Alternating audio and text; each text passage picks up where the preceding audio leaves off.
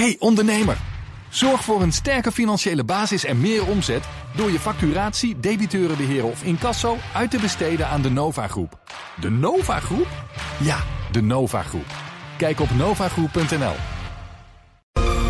Heb jij de BNR-app al? Met breaking news en live radio? Download de app en blijf scherp. BNR Nieuwsradio. BNR breekt. Ivan Verrips. Goedemorgen en welkom. Vanaf half twaalf praat ik over het nieuws van de dag. Over woningtekorten. Die dwingen woningbouwverenigingen tot noodoplossingen. Vaak wordt er dan gekeken of er een extra verdieping op een gebouw gezet kan worden. Ook wel bekend als optoppen.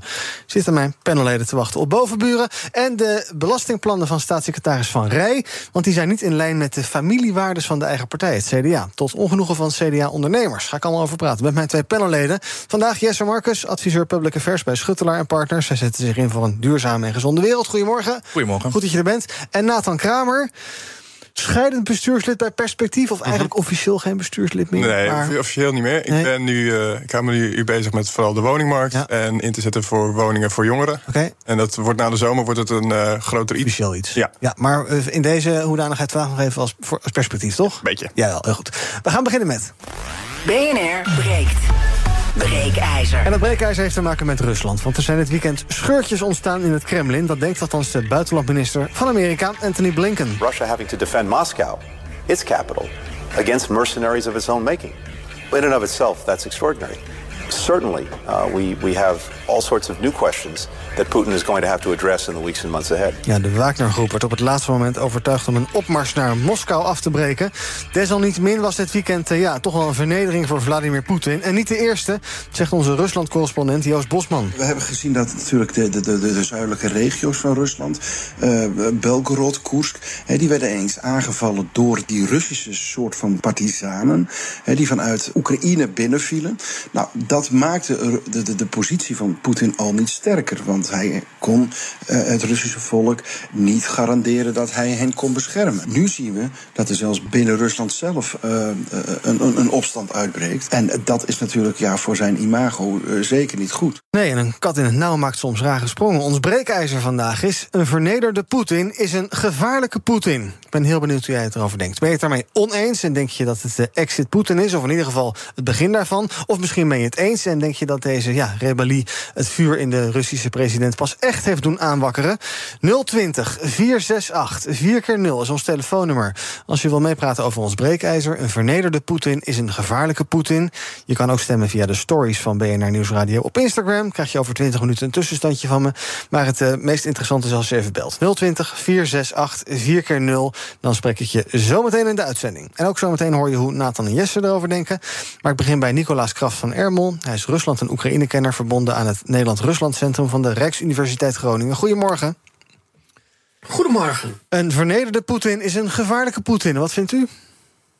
Het is in ieder geval een, een Poetin waarvan we minder goed kunnen voorspellen wat hij gaat doen. In die zin dat ehm, wat we hebben gezien in het afgelopen weekend, is dat ehm, Rusland effectief, Poetin is effectief een, een periode, een stukje van het machtsmonopolie van de Russische staat kwijt geweest.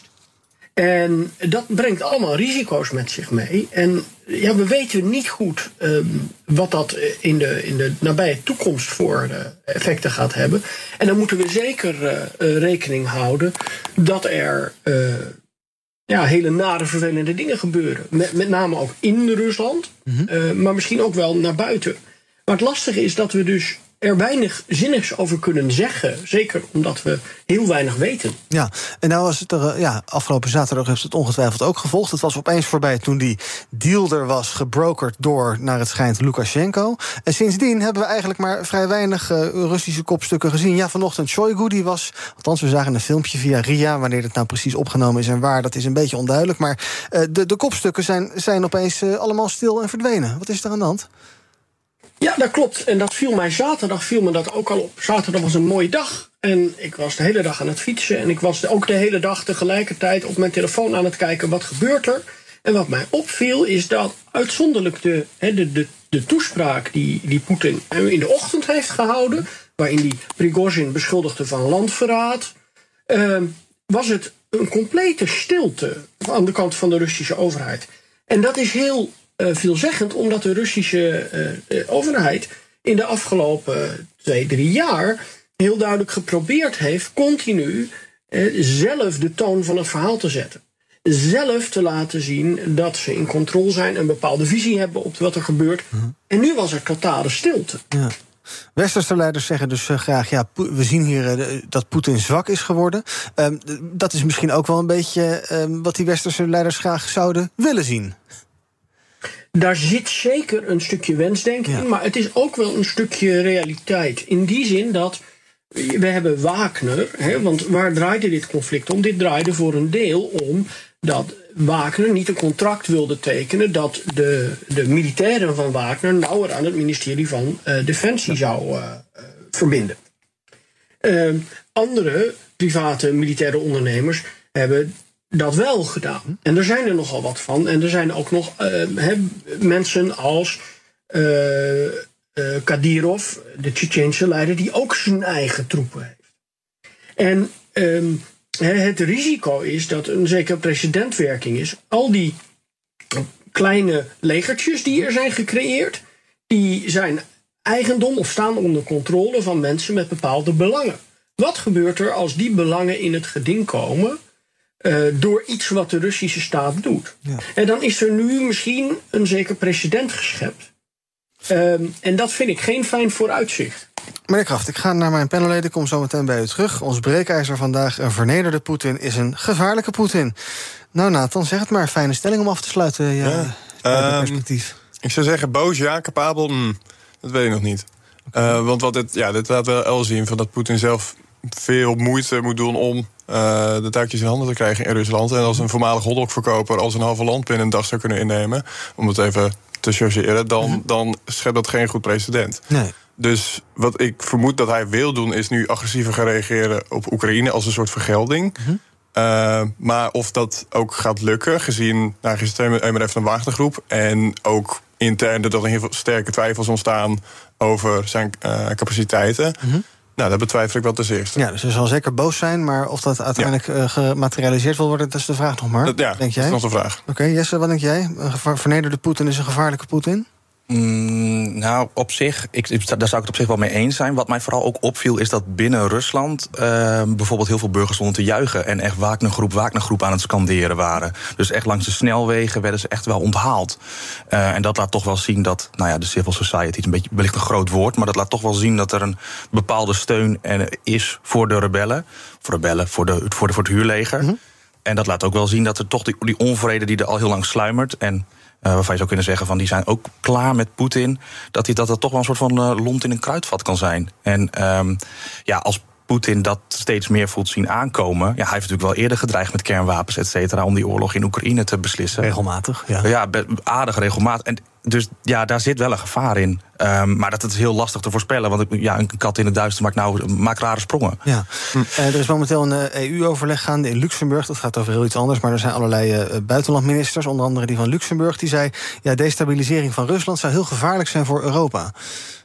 Ja, ja vo, vo, volgens mij is dat een soort van algemeenheid. Dat, zou je, dat is heel moeilijk om te zeggen uh -huh. voor de toekomst. Volgens mij is dat niet per se zo. Volgens mij is het eerder, eerder zo dat er, dat laat de geschiedenis van Rusland ook zien, dat er dan eerst een burgeroorlog uitbreekt en dat dat vooral binnen Rusland plaatsvindt. Mm, nou, het hangt er wel van af. Als in, daar weet uh, waarschijnlijk meneer Kraft ook wel meer van. Het deed mij deze situatie een beetje denken aan de koepoging van 1991 in augustus. Toen was uh, Mikhail Gorbachev, die wou toen. Uh, nou, er was net uh, 1989 was de hele beval van de muur en zo. Mm -hmm. En toen wou hij de Sovjet-Unie omvormen. En dat heeft uiteindelijk vier maanden later geleid tot het instorten van de Sovjet-Unie. nadat hardliners binnen de Communistische Partij toen hem wilden afzetten. En uh, daar, uh, ik ben niet een groot genoeg mm. om exact alle parallellen tussen te zien. Uh, dus misschien kan meneer Kraft er meer over vertellen. Maar daar deed hem het wel aan denken. Want dat had toen ook best wel significant de positie van, nou, toen nog de Sovjet-Unie, echt heel erg sterk vers, verzwakt. Ja, meneer Kraft, kunt u die parallellen schetsen? Ja, nou, ik vind het lastig, die parallellen met, met 1991. Want dat was wel een heel andere situatie. Toen waren het heel nadrukkelijk mensen die uh, in de top van het veiligheidsapparaat uh, uh, zaten. Mm -hmm. En nu is het juist van buiten. Mm. Maar waar het misschien veel meer aan doet denken, is wat we daarna in de jaren negentig hebben gezien. Toen was er wel nadrukkelijk sprake, niet zozeer van een, een, een burgeroorlog, maar wel sprake van een situatie waarin diverse facties binnen de Russische elite uh, met elkaar aan het strijden waren om he, macht en invloed, hun eigen belangen. En daar werd ook wel geweld niet bij geschuwd. Ja. Ehm, daar lijkt het wat dat betreft meer op. Als, als historicus vind ik historische parallellen vaak heel lastig. Ja. Als we dan even kijken naar eergisteren nog. Hoe, hoe gênant is dit eigenlijk voor Poetin? Want hij heeft eigenlijk zelf een soort beest gecreëerd, namelijk die Prigozhin. En die valt, die valt hem nu aan. Ja, nou ja, als dat inderdaad de waarheid is, dat moeten we ook nog hè, een beetje gaan zien. Want zoveel duidelijk is er daar nog niet over. Maar dan is dat natuurlijk wel een blamage. Want wat er dan gebeurd is, is dat. Uh, zo'n uh, uh, militaire eenheid zonder noemenswaardige tegenstad, een, een, een vrij grote stad in het westen van Rusland, zomaar, of het zuidwesten van Rusland, zomaar onder controle kreeg. En vanuit daar ook nog enkele uh, honderden kilometers noordwaarts heeft kunnen uh, oprukken. Ja. ja, dat is natuurlijk, dat, dat doet je wel het nodige vragen over wat de Russische staat eigenlijk nog wel kan. Ja. En dat past wel in de lijn met wat we in deze oorlog überhaupt hebben gezien. Laten we even kijken naar onze bellers. 020 468 4 keer 0 Een vernederde Poetin is een gevaarlijke Poetin. Als je over wil meepraten, nu bellen, dan praat je zo mee in de uitzending. Even kijken, wie hangt er het langst te wachten? Rob, goedemorgen. Goedemorgen, iemand met Rob uit de beeld. Ja, ik zie het toch heel anders. Kijk, eh, Poetin heeft zich verzekerd van de loyaliteit en de steun van het Russische leger. En het Russische leger is de enige macht die Poetin te val kan brengen. Zijn die competentiestrijd met Prigozhin heeft hij dus gekozen voor Shogun en Gerasimov. En als ik een parallel mag trekken, dan trek ik een parallel met 1934. De opstand van de SA met Ernst Reum met Hitler. Hitler koos uiteindelijk ook voor de Rijksweer en niet voor de SA van Ernst Reum. En dat was de nacht van de lange messen. En toen is Ernst Reum met de SA zijn kopje kleiner gemaakt. Maar daarna heeft hij wel de loyaliteit mee verkregen van de Duitse Rijksweer, Duitse leger. Want die hebben toen allemaal een eed van trouw aan Adolf Hitler persoonlijk afgelegd. Dus zo, zo zie ik het, maar ook met de historische parallel. Rob, dankjewel voor het bellen. Fred, goedemorgen. Goedemorgen met Fred uit Begijnendijk bij Maaseigen in België. Zeg het eens, Fred. Kijk, wat er gebeurd is, is zeer ernstig. De zaak is gedestabiliseerd. En de machthebbers in het Kremlin die zullen met elkaar te, te raden moeten gaan. Hoe moeten we nu verder? Mhm. En ik denk dat, en zo gaat dat binnen het Kremlin, uh, werken aan een machtswissel. Poetin zal uiteindelijk eieren voor zich uitkiezen en verdwijnen. En met Fedef zijn goede vriend, zal het van hem overnemen. En de generaal de staf en het ministerie van Defensie worden gezuiverd. Dat zal gebeuren. En, zo gaat dat binnen het Kremlin. En zo blijft het binnen het Kremlin. En Er vindt geen volksstemming plaats. Nee, dat vindt er niet. Dat, dat vindt een machtswissel plaats. Ja, en wanneer dan? Nou, binnen, binnen 14 dagen. Binnen 14 dagen? Oké. Ik noteer hem vast, dan spreken we ook over 14 dagen weer. Fred, dankjewel voor het bellen. Tot slot van dit blokje nog even meneer Huigens. Dag meneer Huigens. Ja, goedemorgen. Ik denk eh, dat een vernederde Poetin heel gevaarlijk is. En we weten nog nog steeds niet wat eh, China daarop gezegd heeft. Mhm. bij, de, bij de laatste dagen. En ook wat Amerika gezegd heeft, dat weten we niet. Maar ik denk dat er wel een verandering gebeurt in, uh, in zijn opstelling, Poetin. Ja. Uh, en zo van, nou, laat ze maar denken dat ik vernederd ben... of laat ze maar denken dat ik uh, achteruit ga in mijn, macht, in mijn machtsspel. Maar laten wij alert blijven, alerter worden. Weten wij al waarom in Amsterdam het treinverkeer stilgelegd is? Wie, wie kan daarachter hebben gezeten? En weten wij ook hoe de bekabeling in de Noordzee... is die nou beveiligd genoeg of niet? Mhm. Ik heb al gedacht waarom uh, waarom uh, schakelen wij de vissers niet in? Die worden allemaal broodloos op den duur. En als er iemand weet wie er over de Noordzee vaart... en wie er wat te zoeken heeft of niet... probeer die mensen in te schakelen. Dank. Oh, ja, ja, dat ze, laat ze zogenaamd voor het oog vissen... maar laat ze voorzien van mensen die goed rond kunnen kijken. Ja, dus eigenlijk zetten we de vissers een beetje als een soort veiligheidsdienst in dan? Ja, precies. Nou, neem de suggestie mee. Dank voor het bellen, meneer Huigens. BNR breekt. Ivan Verrips. Dat kan ook. Vandaag in mijn panel Jesse Marcus, adviseur Public Affairs bij Schuttelaar en Partners. En Nathan Kramer, bestuurslid bij Perspectief. Mm, Afzwaaiend. Afzwaaiend, inderdaad. En ook bij me is Nicolaas Kraft van Ermel, Rusland- en Oekraïne-kenner... verbonden aan het Nederland-Rusland Centrum van de Rijksuniversiteit Groningen. We praten over ons breekijzer. Een vernederde Poetin is een gevaarlijke Poetin. Als je wil reageren, bel je nu. En dan praat je ergens in de komende acht minuten nog mee. 020 468 4 keer 0 Meneer Kraft, een paar interessante dingen gehoord. Eh, eerst maar even een van de eerste opmerkingen die ik hoorde. Het eh, Russische leger staat nog achter Poetin. Is dat zo? Of zijn er ook wel sympathieën naar eh, nou, wat meneer eh, bijvoorbeeld Prigozhin vindt? Nou, de, de vraag is natuurlijk, wat is het Russische leger en wat is er nog over van het Russische leger? Eh, dat is een van de vragen waar wij vrij weinig eh, zinvols over kunnen zeggen. Maar het lijkt er een beetje op alsof het, het grootste deel van het Russische leger, wat ervan over is, op dit moment aan het front in Oekraïne staat gestationeerd. En daarnaast vertrouwt Rusland sterk op diverse van die private eh, eh, legertjes. Dus ja, wat heb je dan aan de steun van het Russische leger? Ja. En dan nog, de suggestie werd gewekt dat ehm, Poetin eh, heel duidelijk nu de kant van de, het opperbevel in het Russische leger heeft gekozen. Vergelijking werd gemaakt met 1934 in Nazi-Duitsland. Dat moeten we nog maar zien. Ehm, dat gaan we in de komende weken zien, hoe dat zich gaat ontvouwen. Ja. Ik bedoel, zoveel heeft, is er van officiële kant ook nog niet meegedeeld. Nee. En eh, zonder die, eh, die private legertjes eh, kan Rusland niks. Hij heeft ze echt nodig. Anders is het, is het einde verhaal. In Oekraïne bijvoorbeeld ook. Nou ja, het, het lukte het Russische leger niet om de, de, de stad Bakhmut in te nemen. Pas toen eh, Wagner daar begon te vechten, lukte dat oké. en nu lijkt het erop. Hè, vandaag heeft Oekraïne gezegd: we hebben daar eh, eh, bijna afhankelijk van de plek, maar tot aan een kilometer hebben we de, de frontlinie stukjes opgeschoven. Hè, het is nog maar de vraag wat daar dan van overblijft. Maar hè, dat laat toch wel zien dat ehm, het Russische leger echt wel eh, deels afhankelijk is van dit soort eh, militaire eenheden. Ja. Nathan, eh, in de analyse zie je allerlei ministers zeggen... ik geloof vanochtend ook... nou, ik weet niet of Hoekstra dat zo letterlijk zei in Luxemburg... maar eh, allerlei ministers zeggen dit is een interne aangelegenheid... maar we maken ons wel zorgen, enzovoorts, enzovoorts. Hoe moet Europa hier nou op reageren? Eh, moet je de steun heel snel gaan opvoeren... of heeft dat niet zoveel zin? Of wat is nou slim? Mm, ik denk- ja, het is, het is ook echt kijken hoe het ontwikkelt. Als, in, als je nu al heel snel uitspraken gaat doen van we moeten nu steun bieden of wat dan ook, dan kan het ook heel snel ook keren of schipperen. Omdat het nu echt, ja, het, het hangt er echt van af van wat er nu kan gebeuren, ook binnen het Russische leger. En hoe stabiel Rusland verder blijft. Dus het is moeilijk om überhaupt nog echt een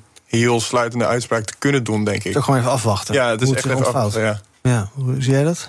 Ik denk dat het juist verstandig is om nu de, de, de steun aan Oekraïne te versterken. En om daar eh, wat nadrukkelijker naar voren te stappen. Volgens mij had Australië heeft ook een aantal eh, militaire voertuigen toegezegd. Nou, dat is volgens mij nu ook het perfecte moment voor, eh, voor de Europese Unie om dat, eh, om dat, dat toe te zeggen en eh, uitdrukkelijk de steun weer eh, aan, eh, aan Oekraïne te, te bepalen. Omdat dit juist een moment van zwakte is voor Rusland. Ik zie trouwens dat eh, Duitsland eh, duizenden soldaten eh, permanent in Litouwen gaat stationeren. Nou, dat is natuurlijk ook allemaal niet voor niks. Dat is nieuws wat net binnenkomt, onder andere via Reuters.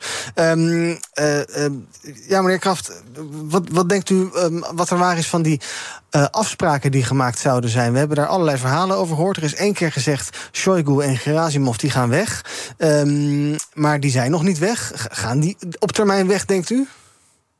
Geen idee. Eh, het zijn hele vage geruchten. Ik heb ze ook gelezen. En ik, eh, het kan, het kan niet. Eh, we weten ook niet. Hè, eh, Prigozhin zou naar Belarus gaan. Ja. Maar waar die heen is, weten we ook niet. Dat zijn allemaal dingen die we in de komende dagen, weken gaan zien ontvouwen. Ik, ehm, ik heb geen idee. Nee. Ehm, eh, ja, ik neem ook aan dat, dat die Wagner-groep zich toch wel in wat mindere mate in Oekraïne zal gaan laten zien de komende tijd. Denkt u dat ook? Nou ja, kijk, Oekraïne zegt zelf dat eh, er Wagner-militairen eh, nog steeds in Oekraïne zijn. Ehm, het het eh, Kremlin heeft ook nog niet gezegd dat ze ze gaan eh, ontmantelen.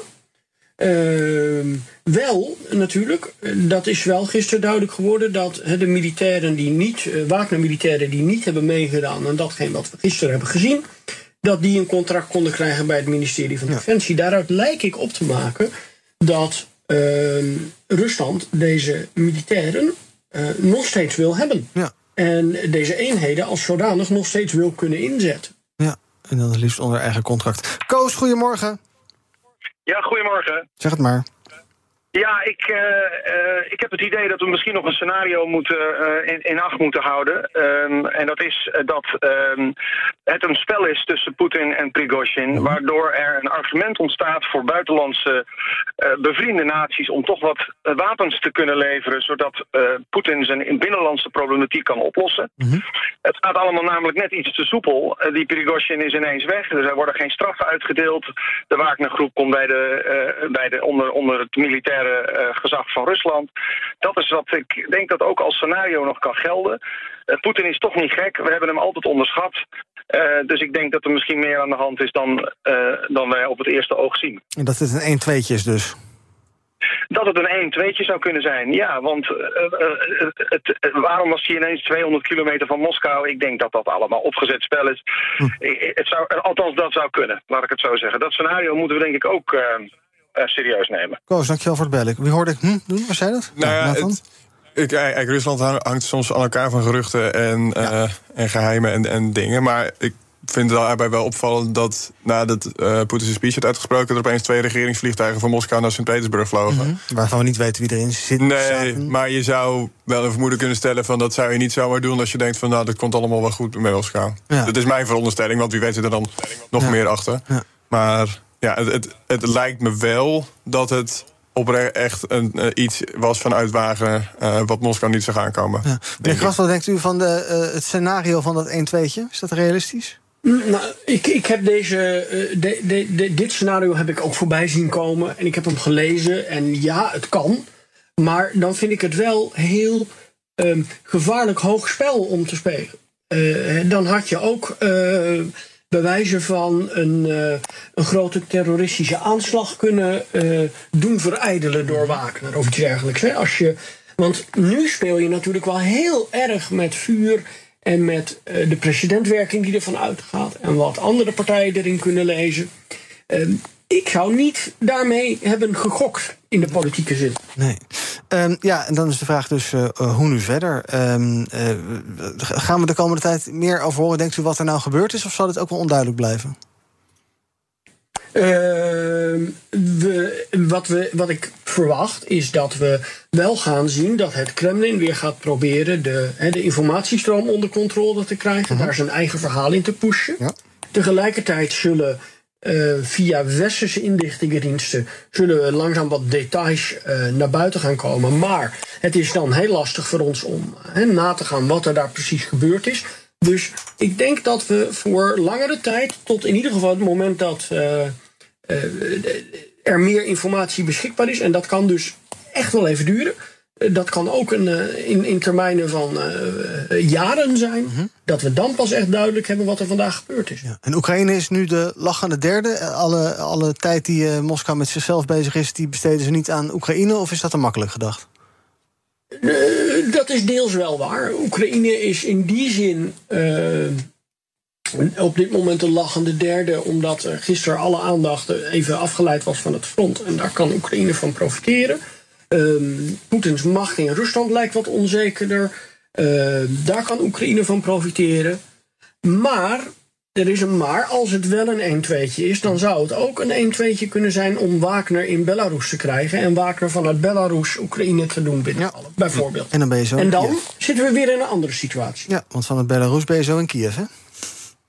Eh, Dat is, eh, nou ja, je bent zo in Kiev. Eh, Rusland heeft het natuurlijk geprobeerd eh, in 2022. Dat was niet zo'n succes. Maar eh, in afstand is het niet zo ver. Dank, Nicolaas Kraft van Ermel. Rusland en Oekraïne-kenner verbonden aan het Nederland-Rusland Centrum van de Rijksuniversiteit Groningen. 4000 Duitse militairen, die gaan dus eh, naar Litouwen. En ja, een beetje gelieerd ook wel.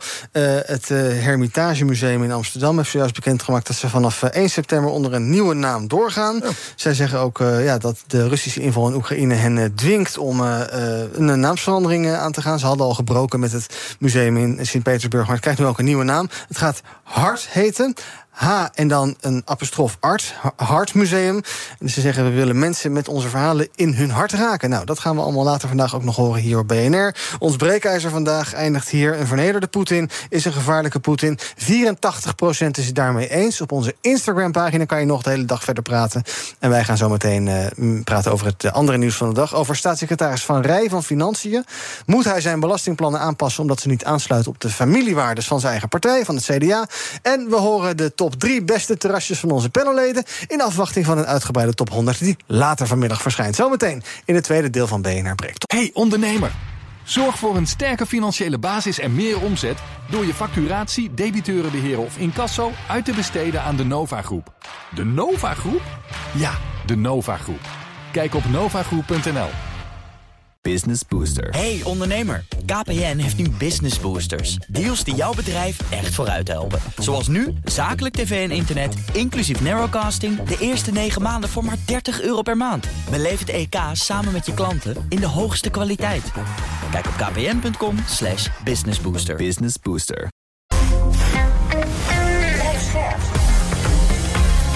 BNR Nieuwsradio.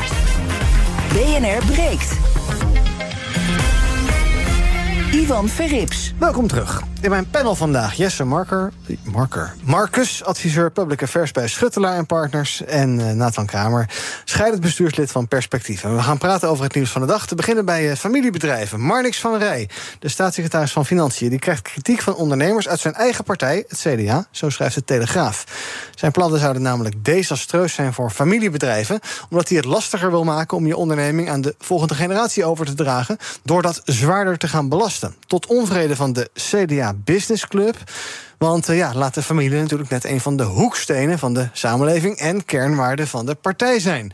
En dus zeggen zij, de bedrijfsopvolgingsregeling, uh, daar moet je niet aan, uh, aan, aan zitten. Terwijl Van Rij dat eigenlijk wel wil. Die ziet, ja, er moet misschien toch een en ander aangepast worden. Wordt ook wat misbruik van die regeling gemaakt. En hij is misschien wel erg royaal. Nou, eerst maar eventjes kijken naar het principiële deel, voordat we even kijken naar die regeling zelf. ja, de BOR, de bedrijfsopvolgingsregeling. Ehm, is het heel erg not CDA om die aan te passen, Nathan? Nee, ik vond het wel. Uh, nou, het is, het is niet helemaal in lijn met CDA. En daarnaast, uh, familiebedrijven. We hebben 70% van alle Nederlandse bedrijven schijnt familiebedrijf te zijn. Mm -hmm. Dat meer was dan ik dacht. Maar dat gaat, en dat gaat van de kleine kruidenier om de hoek, om het zo maar te zeggen, tot aan Heineken, SHV, Jumbo. Goed, volgens mij hebben we nog wel een hele hoop meer. Ja. Um, dus het, ja, het, het, het, valt op. En volgens mij was de grootste kritiek gekomen op uh, de, het vrijstellingspercentage mm -hmm. voor overdracht. Dat dat van ik dacht 83% van het eigen vermogen naar 70% van het eigen vermogen zou gaan. Mm -hmm. Dat is best wel, nou, dat is best wel fors. Mm -hmm. uh, dus dan kan ik die kritiek daar vanuit het CDA best wel op begrijpen. Ja, ja. Uh, want inderdaad, even kort die regel dan toch. De BOR, bedrijfsopvolgingsregeling, 1,1 miljoen aan vermogen is vrijgesteld van schenk- en erfbelasting. Daarboven dus 83% vrijgesteld van belasting, wat jij net precies zei. Mm -hmm. uh, het CPB heeft ook gezegd, Centraal Planbureau, ja, op zich 75% van die opvolgers heeft eigenlijk genoeg vrij te besteden vermogen om die belasting wel te betalen. Dus dus uh, ja, moet je dan zeggen: oké, okay, we willen familiebedrijven helpen. Er zit geld in die familiebedrijven. Dat kan je er niet uithalen om, uh, uh, om een belasting te betalen. dus zo'n regeling moet er zijn, Jesse? Ja, aan de ene kant zou je dat kunnen betogen, maar je zou je dus ook kunnen zeggen: van ja, maar dit is gewoon een fiscaal voordeeltje. Want uit de cijfers blijkt gewoon dat ze het wel kunnen betalen. Dus dan vind ik het ook een beetje zuur doen van: oké, okay, ja, ons voordeel wordt afgepakt. Ja. En daar gaan we nu heel erg dwepen met een soort van christelijke waarde, met een soort van christelijke politiek. Van daar gaan jullie nu tegen. Ja, dat, dat, dat, dat, dat snap ik. Maar dat, ja. dat is gewoon slimme politiek natuurlijk. Slimme politiek. Of het CDA zegt: er moet aandacht zijn voor de grote en oude oer-Hollandse familiebedrijven. Die wil jij de nek om helpen, Jesse? Ja, dat zou je ook kunnen zeggen. Ja. Aan de andere kant, het speelveld wordt wel gelijker om juist in te stappen voor externe of buitenstaanders om een bedrijf uh, op te kopen. En om zo, zo, kijk, zo zou je dus ook kunnen betogen. Ik denk dat dat de achterliggende, uh, het achterliggende idee is van het kabinet. Hè. Kijk, uh, je krijgt een dynamischere en meer flexibelere economie. Ja. Oké, okay, nou ik ga nog een argument proberen dan. Mm -hmm. Ik uh, ben even team CDA in deze als het gaat om uh, de woordvoering. Want zij zeggen, uh, ja, die familiebedrijven die moeten nu concurreren met beursgenoteerde bedrijven. Die hoeven geen erfbelasting te betalen als bij wijze van spreken de CEO omvalt. dus dit zorgt, als je die boor gaat versoberen, dan zorgt het voor een ongelijk speelveld. Ja. Ik blijf prikken. Ja, nee, dat snap ik. Uh, ik snap ook het beeld wat ze probeerden te schetsen. David versus Goliath. En de grote beursbedrijven kopen ons allemaal op. Ja, dat, dat is typisch iets wat de praktijk volgens mij moet uitwijzen. Maar volgens mij, als je de cijfers bekijkt nogmaals... dan zie je dus inderdaad dat ze het wel kunnen betalen. Hmm. Dus dan is het heel zuur van oké om te zeggen van... ja, maar dan worden we juist allemaal opgekocht. Nee, je kan het in principe prima betalen. Maar ja, je winsten zullen de eerste jaren wel wat lager liggen. Hm. En dat moet je dan maar voor lief nemen. Nou ja, eh, de transitie naar een duurzamere economie kost ook heel veel geld. En de overheid moet ergens dat, dat, dat, dat, dat bedrag vandaan gaan halen. Ja, wat denk jij ervan? Ja, van de brug naar de duurzame economie bij Eetje raar, maar goed. Uh, Want die, uh, die nou ja, de, er niet bij. Nou ja, het, het kan uit die, uit die boor worden gehaald, maar dat lijkt me niet per se de hoofdmoot. nou ja, het, het, is, het staat een beetje los van elkaar, lijkt me. Mhm. Uh, het, het, is wel van, ja, je hebt dus echt een paar grote conglomeraten erbij, zoals Heineken en SHV, die, nou, die, die zouden daar eigenlijk niet onder lijden, denk ik. Ja. Maar het gros van die familiebedrijven zijn wel, volgens mij MKB. En die 30% niet-familiebedrijven, dat is inderdaad wel meer op de beurs. Dus het is wel een, er zit wel een zekere punt in van dat ongelijke speelveld. Ja. Uh, tot in hoeverre dat opgaat. Ik, ja, omdat nogmaals Heineken en SHV en zo ook uh, gewoon familiebedrijven zijn, lijkt het me niet helemaal dat het uh, één op één is. Het is een soort ja, verzameling van één Goliath en David tegenover elkaar, dat het nog wat ingewikkelder maakt. Ja, maar ik denk niet dat de kleine kruidenier in de CDA Business Club zit. Denk je wel? Nee, maar ik denk dat hij wel CDA stemt. Ja, ja dat, dat, dat zou kunnen. Ja. Dus die, dat is in een zekere zin wel een vertegenwoordiging van die achterban. Hm. Dus je zegt regels wel aanpassen, maar wel rekening blijven houden met uh, familiebedrijven. Met, met kleinere, met echte, ja. Ja, ik speel heel, heel erg voor het CDA nu hier. Uh, ja. Maar, vanuit hun, het ook al. Ja. ja, maar vanuit hun gezien vind, vind, ik het wel begrijpelijk ja, dat ze tegen ageren. Ja, maar jij zegt er weg ermee. Dan maar uh, pijn lijden en uh, lekker tijd voor een nieuwe generatie. Nou, nee, nou. Laat ik, bedrijven maar ophoepelen. nou, ik, ik denk gewoon dat het, het CBR heeft het gewoon, of het CBS heeft het doorgerekend. En de cijfers laten gewoon zien dat ze het wel degelijk kunnen betalen. En ik snap dat de overheid kijkt naar extra geldbronnen. En die kunnen je onder andere halen door dit soort regelingen aan te passen. Waarbij heel veel geld is, uh, is op te halen. En nou ja, we gaan het er straks ook over hebben. Het landbouwkoor bijvoorbeeld. Ja, er moet heel veel geld naar, naar zo'n transitie in de wereld. En in zo'n op, in zo'n opzicht vond ik het geen rare vergelijking. Want de, de, de, de overheid moet, moet ook um, de begroting krijgen. Ja. Maar goed, wil je bedrijven behouden, dat is ook wel handig, toch? Bedrijven Zeker. niet omdonderen, dan komt er helemaal geen belasting meer. Nee, dat is okay. waar. En we gaan het hebben over... Uh... Bouwen, bouwen, bouwen. Ja, daar was hij weer. Een van de noodplannetjes van minister De Jonge... lijkt uh, toch wat uh, voeten aan de grond te krijgen. Veel bouwbedrijven kijken namelijk serieus naar het optoppen van bestaande gebouwen. Oftewel, extra verdiepingen bovenop plaatsen. Blijkt uit een rondgang van BNR. Volgens De Jonge kan dat voor zo'n 100.000 extra woningen zorgen. En dat is een zeer levensvatbaar plan, denkt Alfred van der Bos. Hij is van woningbouwvereniging Vivare en ze zijn onder andere in Arnhem actief. Wij zijn nu vanuit Vivare in Arnhem omgeving aan het kijken... zouden we dat kunnen doen? Welke type en tegen welke kosten? En minstens zo belangrijk, wat kun je ook toevoegen aan de wijk natuurlijk? Ja, dat is nog wel een belangrijke vraag. Hoe kan je dat optoppen op een beetje een fatsoenlijke manier doen... zonder dat het een grote schots en scheve puinhoop wordt... en je een hele dynamiek in een wijk doorbreekt? Uh, kijk toch maar even naar de... Wat is jouw bouwen, bouwen, bouwen uh, uh, achtergrond ook alweer? ik heb drie jaar lang de bachelor bouwkunde gedaan... en ik doe nu de master management in de built environment aan de TU Delft. Nou, vertel dan maar, optoppen, goed idee? Ik vind het inderdaad een goed idee. wat, wat ook een groot voordeel is van optoppen... is dat je geen nieuwe grond hoeft aan te kopen. dus je kan meer woningen hebben zonder dat je daar een hele grond marktroering mee plaats laat vinden. Mhm. Uh, en we wonen in Nederland opvallend groot. Uh, dus als je meer woningen op hetzelfde oppervlak zou kunnen maken, dan is het best wel een goede vooruitgang. Dus ik vind het, nou, al het al genomen best een mooi plan. Ja. Uh, ik was een, een, tijdje terug was ik in Portugal en daar heb je dat ook al. Dat, dat is, nou, ik zou het niet helemaal als grote inspiratie nemen, want het is wel een stukje chaotischer. Ja, maar dan heb je schreven puinhoop, toch? Ik ben ja, in maar Porto je, geweest. Ja, als je daar hoest, dan dondert een heleboel in elkaar. Ja, gelukkig hebben we geen heuvels, eh, heuvels nee. zoals in Porto. Maar we hebben wel, uh, we, daar hebben ze wel heel veel gewoon. Dan zet je gewoon een uitbouw erop. En dan, dan ben je klaar. En is, de woningbouw, is je woningvraag opgelost. En ja. in Nederland moet er dan nog wel heel veel worden geschoven en gedaan. Mm -hmm. Maar ik vind eigenlijk, nou, zo'n initiatief voor Nederland nog best wel prima. Ja, is dat technisch ook nog een uitdaging of kan dat eigenlijk prima? Uh, nou ja, prima. Als je een goed stel architecten erbij zet, dan zou dat zeker kunnen. Uh, ondergetekende heeft zelf ook wel eens een ontwerpproject gedaan... waarbij je uh, 1,7 zoveel woningen hebt in eenzelfde pand uit de jaren 50... dat mm -hmm. gewoon een standaard appartementencomplex is. Dus het kan met wat innovatieve oplossingen... kan je er zeker mee wat bereiken. Ja. Nou Jesse, tada, hier zijn je bovenburen. Veel plezier ermee. Je hebt nieuwe bovenburen, wat leuk. Ja, ik, ik denk dat dit voor- vooral in steden tot heel veel eh, reuring gaat leiden. Want inderdaad, de, de steden zijn al heel gehorig. Ik ben zelf ook twee keer uit een huurwoning moeten gaan... omdat het gewoon ja, qua geluid niet te doen was. En dan gaat je wooncomfort wel echt omlaag. Ehm, dus optoppen, volgens mij is dat ook zeker een van de mogelijkheden... in een land als Nederland, wat je, wat je ook wel één, gro- één grote stad zou kunnen noemen. Dus je kan daar heel veel winst uithalen.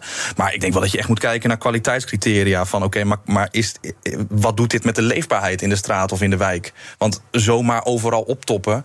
Ja, dat leidt ook wel ligt weer tot, tot, tot, tot overlast eh, qua geluid, qua mensen, qua bevolkingsdichtheid. Zijn voorzieningen er wel op ingericht? Exact. Ja, dan zijn de scholen dus nog steeds helemaal vol, eh, wachtlijsten overal. Ja, ja, misschien daar zijn de steden wellicht ook te vol voor. Dus dan kun je wel sec kijken naar, oké, ja, er, er moeten nu meer woningen komen. Dus dan maar de lucht in. Ja. Ja, maar wat doet dat met zo'n leefbaarheid in de stad? Want waar, komen, waar wordt het optoppen gedaan? Ja, waarschijnlijk alleen in de steden. Ja, is dat inderdaad een goed iets om rekening mee te houden? Ja, het, waar het gruwelijk mis kan gaan? Nou, gruwelijk. Ik zie niet zo'n soort Soylent Green voor me... dat ze met van die eh, containers uiteindelijk mensen gaan opruimen. Maar eh, het voordeel van optop is wel, eh, met voorzieningen... Van dat je ze al hebt. Als, en je hoeft niet meer bij een nieuwbouwwijk die erbij te bouwen... en kijken van, goed, komt er nog een buslijn heen... komt er nog een treinstation, komt er nog een, überhaupt een weg... Eh, dat, dat ligt er al. Dus dat scheelt zoveel in juist die voorzieningen... dat het denk ik juist een goede impuls kan zijn. Hm. En waar gaan we dat dan doen? In steden inderdaad. Nou, het zou ook in een dorp kunnen. Als je een extra bijvoorbeeld aanleenwoning hebt... of uh, of op zolder nog uh, een grootouder uh, kwijt kan. Ja. ja. kan prima. En als we dan de boel gaan renoveren... dan moeten die mensen even het huis uit een paar maanden... zodat we dat, dat hok erop bovenop zetten. Mm -hmm. En dan kan je er daarna weer in. En dan wonen er, heb je opeens bovenburen. Ja. Joh, zet toch gewoon een nieuw pand neer ergens. Een hele nieuwe flat van 22 verdiepingen. Wat een dit, joh. Is toch veel efficiënter, of niet? Kost meer. Ja, kost wel meer. Ja. Ja. Nou, oké, okay, op toppen dan. Dan gaan we het doen. Hey ondernemer. Zorg voor een sterke financiële basis en meer omzet... door je facturatie, debiteurenbeheer of incasso... uit te besteden aan de Nova Groep. De Nova Groep? Ja, de Nova Groep. Kijk op novagroep.nl. Business Booster. Hey ondernemer, KPN heeft nu Business Boosters. Deals die jouw bedrijf echt vooruit helpen. Zoals nu, zakelijk tv en internet, inclusief narrowcasting... de eerste 9 maanden voor maar 30 euro per maand. Beleef het EK samen met je klanten in de hoogste kwaliteit. Kijk op kpn.com slash businessbooster. Business Booster. BNR breekt. Gaan we kijken wat mijn panelleden is opgevallen in het nieuws. En Nathan, ik begin even bij jou, want dat heeft toch ook weer met die woningmarkt te maken. Ja. Specifiek de huizenprijzen in ons land. Mm -hmm. uh, wat is jou opgevallen daar? Nou, die dalen opvallend genoeg, ja. maar... Best flink ook, toch? Best flink, ja. maar vooral door de hypotheekrente die uh, flink stijgt. Mm -hmm. En ik vraag me af hoe lang dat gaat duren. Uh, zoals eh, gewoon even voor de vergelijking. In medio 2022, ongeveer vorig jaar, had je voor uh, gemiddeld 448.000 euro had je een koopwoning. Mm -hmm. Dat is nu gedaald naar 300, nou, 394.000 gemiddeld. En het verschilt er nog heel veel per regio. In Rotterdam is volgens mij voor 366.000 gemiddelde woning. En in Haarlem 516.000. Dus dat loopt enorm uiteen. Mm -hmm. Uh, maar dit is vooral gedreven door hoge inflatie en een hoge, uh, daaruit voortvloeiende hypotheekrente.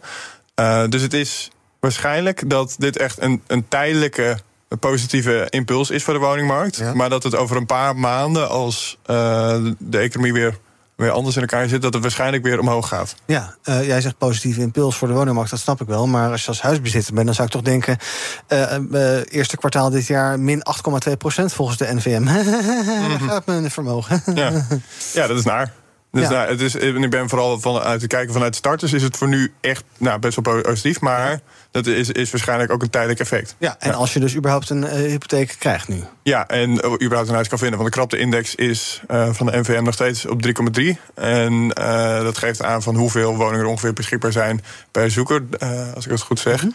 En bij 5 heb je ongeveer een, gezond, een relatief gezonde markt. En 6 is, 7 is eigenlijk iets ideaal. En dat staat nu op 3,3.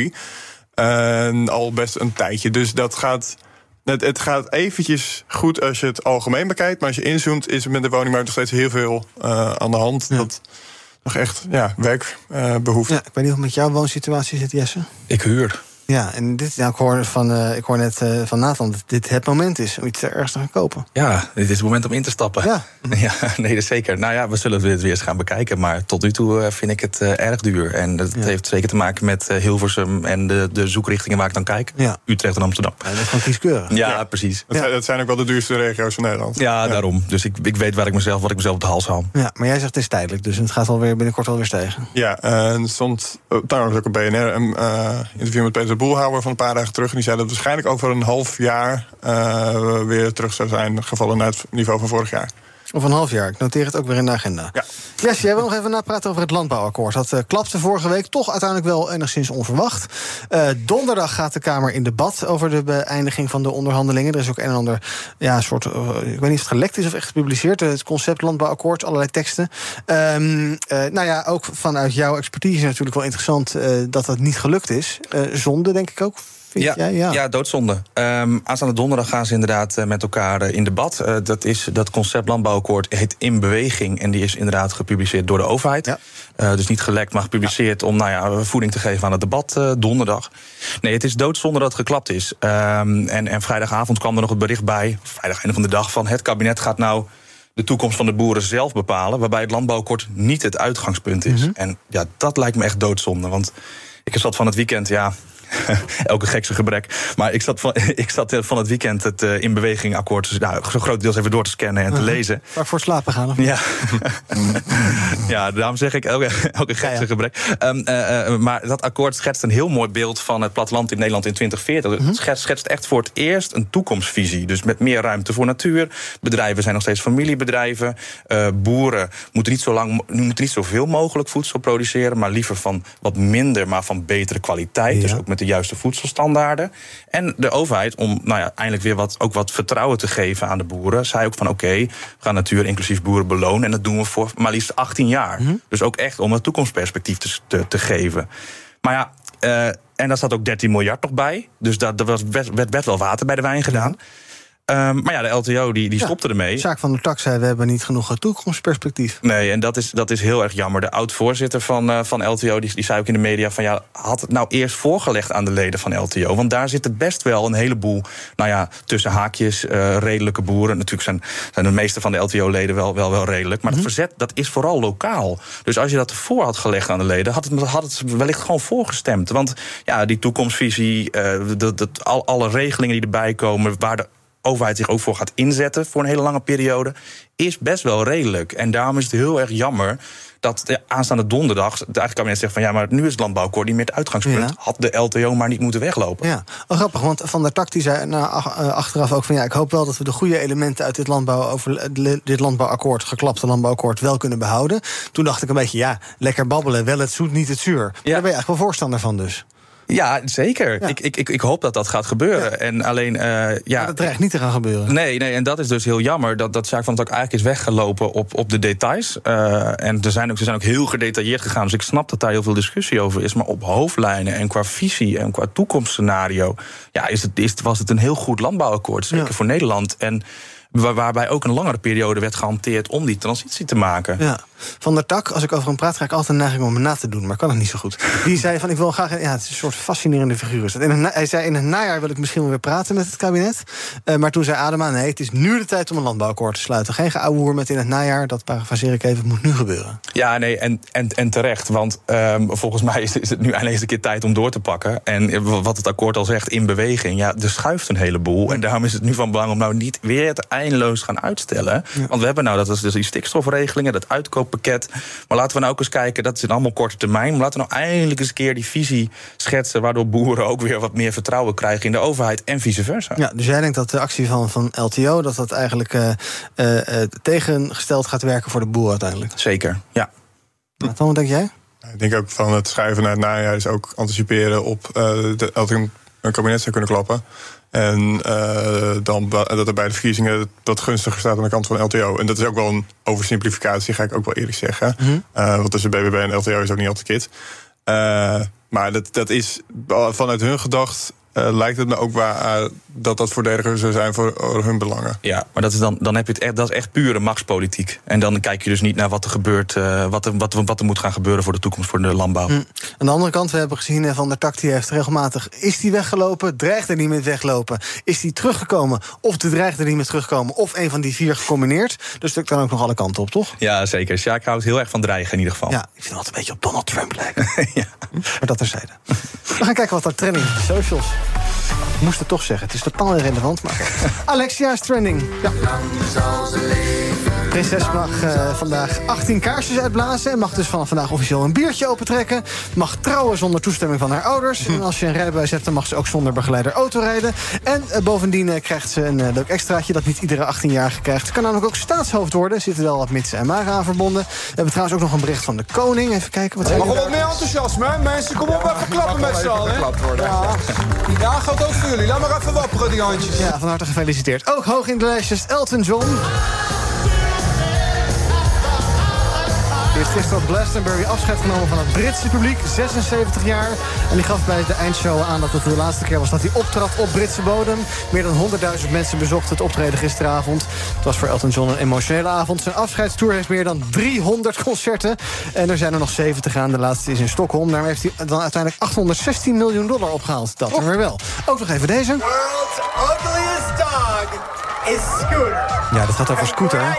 Congratulations. Scooter? Die zegt niks. Naakthond Scooter is verkozen tot lelijkste hond ter wereld. Het is een Chinese naakthond met witte plukjes op de kop. Voor de rest compleet vachtloos, een scheve tong uit zijn bek en gebogen achterpoten. Niet bepaald een schoonheidsprijs voor het beestje. Toch heeft baasje Linda er wel een schoonheidsprijs aan overgehouden. Te weten 1500 dollar. Zouden honden elkaar nou ook pesten als de een heel lelijk is en de ander mooi? Gewoon heel naar Ik denk deze wel, ja. Of zou dat echt een menselijke eigenschap zijn, dat mensen elkaar pesten? Misschien pis- en pissen ze gewoon een soort cirkeltje om elkaar heen. Oh ja, een beetje in pissing, inside out, outside pissing. Iets met een tent. Ja, oké.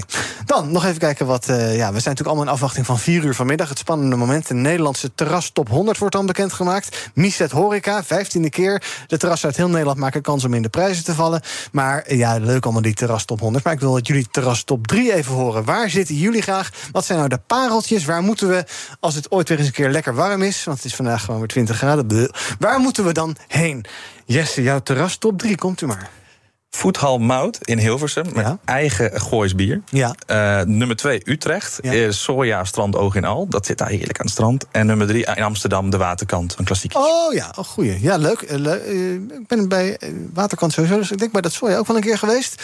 Nathan, eh, is jouw top 3? Jij was niet zo'n terrasganger, geloof ik. Nee, ik ben niet zo Jij terrasganger. zei, Ik zit meestal graag binnen. Ja, Het precies. is, ja. het is altijd cooler, altijd stiller, het is altijd. Ja, Ehm, ook goedkoper. Oké, ik ga het ook in een soort top 3 doen. Eh, en ik, ik heb wel de definitie van terras een beetje breed gemaakt. Maar goed, eh, nummer 3 heb ik eh, de Bonte Holt in Duisburg. Misschien kwam het ook doordat ik eh, 100 kilometer daarvoor had gefietst. Ja. Eh, maar vond ik heerlijk. Zo zitten midden op een pijntje heel rustig. En dan een biertje of iets anders? Eh Carolijntje. Ja? Ja, niet. Eh, nummer twee heb ik het Tals Caféhuis in Delft. Dat is ook ja, dat is gelegen aan de gracht. Daar kan je altijd heerlijk lunchen, dineren en wat dan ook. Ja. En dan nummer één, het is waarschijnlijk een beetje nepotisme... maar dan zou ik toch mijn eigen neef eh, op Urk met eh snackbar Qualitaria eh, nomineren. Goed. Is ook een goed terras. Ja, het is zeker een goed terras. Ja, dat is toch heerlijk om daar een patatje of een frikandelletje weg te Ja, toch? Ja, nou leuk, we gaan er allemaal heen. Vanmiddag om 4 uur dus die bekendmaking En- van en de Trust op 100. Ja, ik heb, kwam tot twee, maar dan voel ik er nog eentje uit het buitenland bij. Eh, ik denk op eh, nummer 3 van Bijnem in Haarlem. Eh, op de Grote Markt daar. Op twee Café Het Sluisje in Amsterdam. Heel schattig café in Amsterdam. En op één, ja, het is een beetje een random volgorde... maar ik kon niks zo snel bedenken. Het Zolpakhof in de Spree in Berlijn. Daar kijk je uit op het eh Bundeskanzlerambt. Nou, en dan zit je, kan je gewoon heerlijk, ontzettend lekker bier tanken. Dus, gaan we daarheen een keer? Zeker. Ja? Eh, als ze ook iets anders hebben dan bier, Ja hoor, zeker wel. Nathan, dank voor de eh, eh, aanwezigheid de afgelopen tijd. Mhm. We gaan je dus wel terugzien hè, in de bouwsector. Ja. Vind ik van wel. Ja, ja, me wel. Oké. Morgen dan ben ik er weer met BNR Breekt. Tot die tijd volg je ons via de socials en lekker de radio aan laten staan. Dan is Thomas hier zo meteen met zaken doen. Hey ondernemer, zorg voor een sterke financiële basis en meer omzet door je facturatie, debiteurenbeheer of incasso uit te besteden aan de Nova Groep. De Nova Groep? Ja, de Nova Groep. Kijk op novagroep.nl.